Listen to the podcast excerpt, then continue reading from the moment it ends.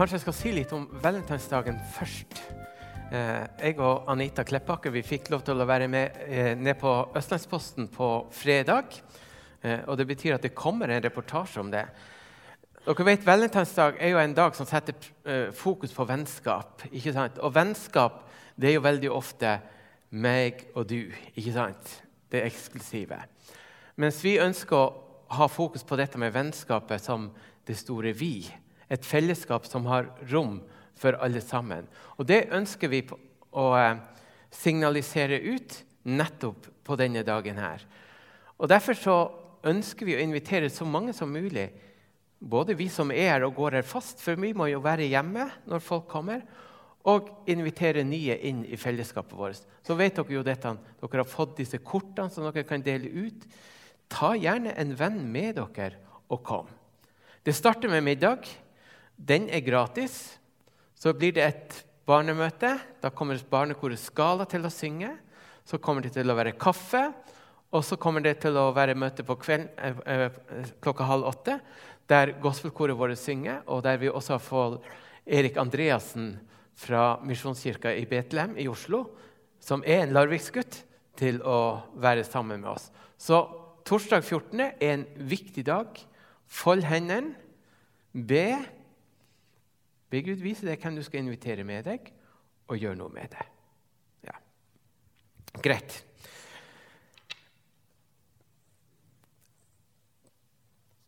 Da er det vi kommer til greinene. Og jeg har hatt en prat med han, Jan Ivar Nyquist siden han skal tale neste gang, sånn at vi ikke skal gå for mye i føttene på hverandre. Men jeg kom til å tenke på ei historie som jeg leste for mange år siden. Det kan hende at jeg har nevnt den for noen før, men den er så god at den passer inn i denne sammenhengen. her. Eh, mange har kanskje hørt om Frank Mangs. Frank Mangs var en svensk-finsk evangelist som eh, reiste rundt både i Norge og Sverige og fikk lov til å lede veldig mange til Gud. På sine eldre dager så skrev han en biografi som heter 'Høgst personligt' på svensk, i tre eksemplar. Jeg fikk de eksemplarene når jeg var ung og var evangelist borte i Sverige, sånn at jeg har de liksom med tilbake fra den tida der. Og I den tredje av disse bøkene så forteller han en liten episode fra hjemstedet sitt Narpes, som ligger da på eh, vestkysten av Finland. Det som er spesielt med Narpes, er at Narpes er den eneste helt svenskspråklige kommunen i Finland. Du vet at Finland har jo både svenskspråklig og finskspråklig, og mange kommuner har liksom to språk. Litt som her med norsk og nynorsk i, i, i kommuner. Men, men, der er det sånn. Han kommer fra denne kommunen der. Og han forteller Når han kommer eh, besøkte og Jeg er usikker på om det var foreldrene eller besteforeldrene som bodde på en gård. Så på veien inn til gården så var det ei grind.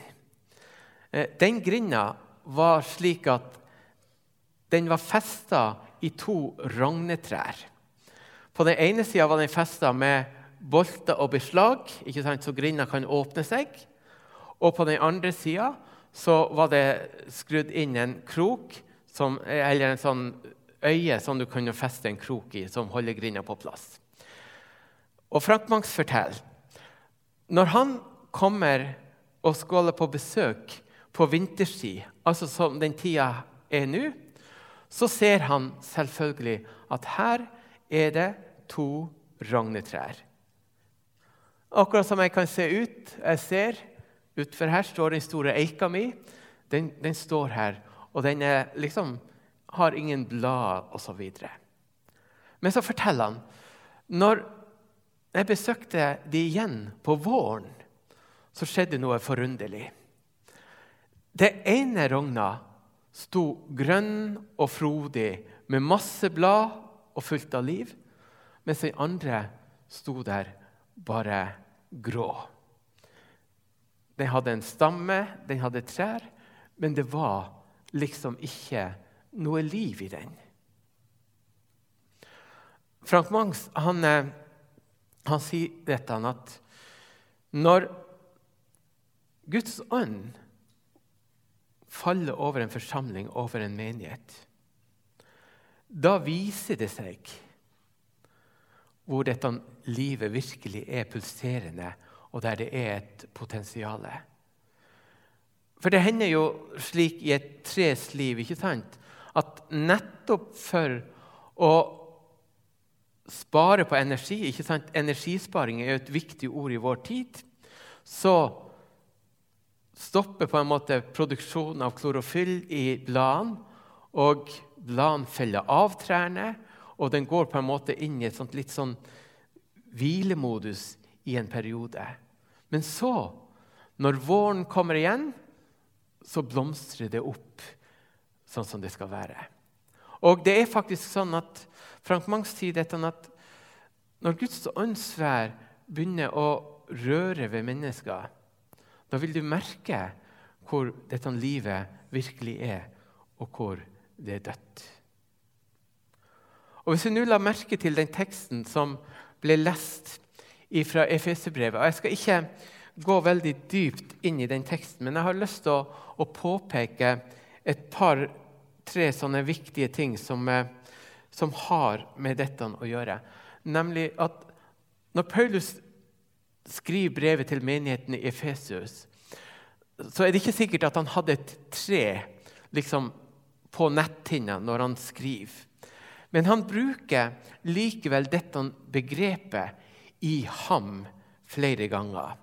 Rett og slett for å poengtere det som er viktig, nemlig at greina må være festa på treet. Er det ikke festa på treet, så har det mista en viktig tilgang til næring og til liv. Da er det ikke liv laga. Og Når Paulus skriver til menigheten i Efesus og han trekker fram disse tingene, her, så sier han dette at vi har fått del i forsoningen, altså i Han. Det betyr ganske enkelt at vi har blitt planta inn i Kristus. Ikke fordi at vi var et perfekt menneske eller vi var en perfekt grein, men fordi at Gud ville det i utgangspunktet. Og han har på en måte en tanke og en plan med vårt liv. Og den tanken og den planen som han har, er at vi skal være festa på han, slik at Guds velsignelse skal få lov til å bre seg ut. At Guds rike skal få lov til å vokse. Har dere noen gang tenkt over hva er hensikten med greina? Det er kanskje en og annen biolog her som har en følelse av altså, hva, hva, hva er det viktigste for greinene? Hva er deres oppgave i livet? Jeg synes jeg hører noen hviske her. Jo, greinene skal faktisk spre seg utover. Har dere lagt merke til det? At greinene de sprer seg utover, og de prøver å strekke seg utover så langt som de kan. Og hvorfor gjør de det? Jo, fordi at de ønsker å ha ei størst mulig flate der sola kan få lov til å skinne på, og der de kan ta til seg av CO2. Nå snakker vi om CO2 ofte som noe farlig, men for trærne så er faktisk CO2 noe som er helt livsnødvendig for disse prosessene som skjer i et tre. Altså dette med at bladene blir grønne. Fotosyntesen, som det heter på fagspråket. De som går på skole, husker kanskje det og har en liten sånn følelse med det. Sånn at Hensikten er altså at Greinene skal spre seg utover. Og de skal få ei stor flate for å ta til seg eh, energi. Og Da begynner vi å nærme oss noe av dette som, eh, som er viktig for oss kristne. Og den andre sida av dette å være greina. Da får dere høre litt annet av Jan Ivar neste gang.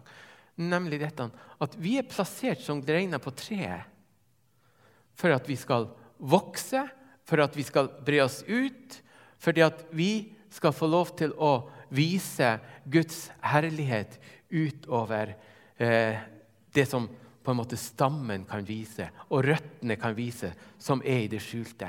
Det er faktisk vi som skal gjøre dette. Og Jesus sier jo til disiplene sine så sier han dere, dere er vitner om dette. ikke sant? Sånn at han har en helt tydelig plan når han er det. Og når Jesus kommer helt på slutten av sitt liv, og han skal forlate denne verden, hva sier han til disiplene da? Jo, da sier han til dem Gå ut og gjør alle folkeslag til disipler.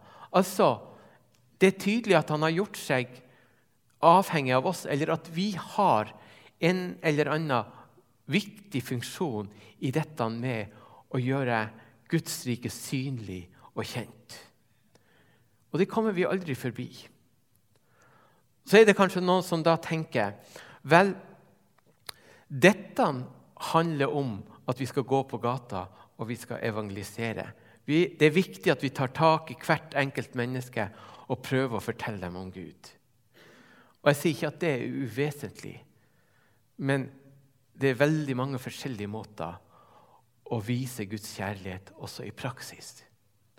Det å gi en hjelpende hånd, det å overraske et menneske med godhet, det å, å te sånn mot et annet menneske at det mennesket begynner selv begynner å spørre dette spørsmålet Hvorfor gjør du dette mot meg? Når du kommer så langt at et menneske spør, da får du den beste anledninga til å formidle evangeliet om Jesus Kristus videre. Sånn at greinene i utgangspunktet de har, eh, de har dette med at de skal spre seg utover. Guds rike er på en måte tenkt sånn at det skal vokse hele tida. Det skal på en måte ligge i, i, det. Og Når vi snakker om at Guds rike skal vokse, så snakker vi ikke bare om dette at, eh, at vi som fellesskap skal bli flere, men at Guds nærvære og Guds påvirkning i våre liv skal bli enda større og sterkere, og at den innflytelsen skal få lov til å bre seg ut i det samfunnet som vi har rundt oss. Så greinene skal altså strekke seg utover. Men greinene har også en annen funksjon, og som jeg også har lyst til å fokusere på denne dagen. her. Og det er nemlig dette at det er greinene som har ansvaret for, og som bærer forplantningsevnen til trærne videre. Ikke sant? Det er greinene som frukten henger på. ikke sant? Det er greinene som bæret henger på på de tingene som har bær. Det er greinene som konglene henger på for de trærne som har kongle. Altså, det er greinene som frøene er på, som skal forplantes videre i dette. Sånn at Tanken er at disse greinene på vintreet de er på mange måter produksjonsbedrifter for at dette skal gå videre. Dette skal overleve, dette skal forplante seg i nye trær osv. den veien utover. Og jo større den flata et tre har, jo mer er den i stand til å produsere. Nå er det en ting med det her som jeg tenker vi må gå litt inn på, fordi det er spennende i seg sjøl. Å se på et, eh, et, tre om vinteren når det er liksom nakent, er ikke bestandig like imponerende. ikke sant? Mens når du ser et tre står i all sin herlighet om sommeren med massevis av blader og kanskje til og med frukt, da blir det et imponerende syn.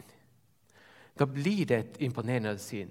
Og det er det er liksom to elementer i dette som, som er viktig, eh, viktig å få med seg. Og det er dette at De er en produksjonsbedrift. ikke sant? De skal skape en frukt. De skal skape noe som lever videre, som, som ligger i deres. Men de har også disse bladene. Og disse bladene lyser jo opp. ikke sant? Det er jo fantastisk å se fargen på bladene. ikke sant? Eh, de vårgrønne bladene, og du ser dem når de blir litt mørkere utover, eh, utover sommeren. Og så ser man ikke sant, at på slutten så får de disse røde og gule fargene før de, før de faller av. Men bladene har jo også en funksjon. De er jo eh, utrolig flotte. Og hva er det som skjer i disse bladene? Det er jo, det er jo noe av dette som, som, jeg tenker at vi som eh, kristne trenger å gripe i vår tid. For det, som skjer i bladene, er jo dette at sollyset kommer til bladene. Bladene får vann, og vanligvis så får de vann som suges opp gjennom røttene og, og systemet oppover. Det er, så, altså det er, lite vann et tre vanligvis tar inn gjennom blader eller andre, eh, enn andre ting. Sånn at du ser liksom at tingene kommer fra to forskjellige plasser. Og så ser du en ting til, og det er nemlig dette at CO2, eller det som er i lufta rundt, det tar bladene til seg og setter i gang en prosess. Og eh, næringsstoffer som kommer fra røttene oppover, er i den prosessen. Og så setter den i gang denne prosessen som kalles for fotosyntese. Og denne fotosynteseprosessen det er jo på mange måter en slags omdanning av energi. Man setter de sammen, og så blir det et fantastisk produkt av det. Men hvis du tenker litt sånn helt konkret så, og Dette kan ha betydning for oss når vi tenker at vi skal være greiner. Og vi skal på en måte være levende greiner med friske blader på. Så For at et blad skal kunne leve, så trenger den altså vann, og den trenger næringsstoffer fra røttene. Det må da komme opp den veien. Og så trenger den altså sollys, og den trenger CO2 fra lufta. Altså, De får det fra to forskjellige kilder. Og Det er liksom det som skal til for å få til denne produksjonen som er så viktig for trærne. Og hva sier det oss hvis vi drar dette bildet litt mer inn i, i vår måte å tenke på, også teologisk? Jo, det er dette Vi har kontakt med stammen, vi har kontakt med røttene. Vi får noe fra Jesus Kristus. Og det som vi får fra Jesus Kristus, å ha den der kontakten og det å få dette hele tida, det er livsviktig. Den dagen vi begynner å overse dette at vi trenger næring fra Jesus Kristus, da begynner det å halte for oss. Vi trenger alltid næring, og vi trenger ny næring, og vi trenger påfyll av næring gang etter gang. Så når noen mennesker i dag spør meg ikke sant, eh, hvor mye tid må jeg bruke på Jesus om dagen for å kunne være en god kristen, så, så blir jo spørsmålet egentlig litt feil. i utgangspunktet. Dere skjønner det, ikke sant? Fordi at Vi er avhengig av den næringa, og vi kjenner hva vi har behov for. Så Derfor vil vi aldri bli uavhengig av Jesus. Vi vil ha det. Men så lever vi i verden, og vi påvirkes av disse tingene som er rundt oss. Av det som skjer i samfunnet, av det som skjer i livene våre, av alle disse tingene som er der. Som er som sollyset og som CO2-en som er der. Og det er der noe av den store utfordringa for oss er. ikke sant? Hvordan skal vi klare å sette disse tingene sammen som skjer i samfunnet, og som har med de røttene som vi har, på en sånn måte at det faktisk blir et livskraftig, sterkt vitnesbyrd om Jesus inn i vår tid. Hvordan skal vi sette det sammen sånn at det blir relevant inn i vår tid? Hvordan kan vi ta det vi har fått fra Jesus, og det som skjer i samfunnet, og sette det sammen på en sånn måte at det blir forståelig for de menneskene som er rundt oss, at menneskene faktisk ser at troen er ikke bare en teori, men troen er faktisk en måte å leve på som omsettes i praksis. folk merker det, at, eh, at den som har eh, troen på Jesus Kristus, han har noe ekstra. Derpå skal alle kjenne, sier Jesus, at dere er mine disipler. Sier han. At dere har innbyrdes kjærlighet. Det er bare ett av de signalene som handler om dette. Og det Jesus ønsker, er ikke bare at denne kjærligheten skal være en innbyrdes kjærlighet, men det skal være en kjærlighet som strekker seg utover mot menneskene som er rundt oss, mot de behovene som er hos menneskene som er der. Så du kan godt si det sånn Vi oh, unnskyld.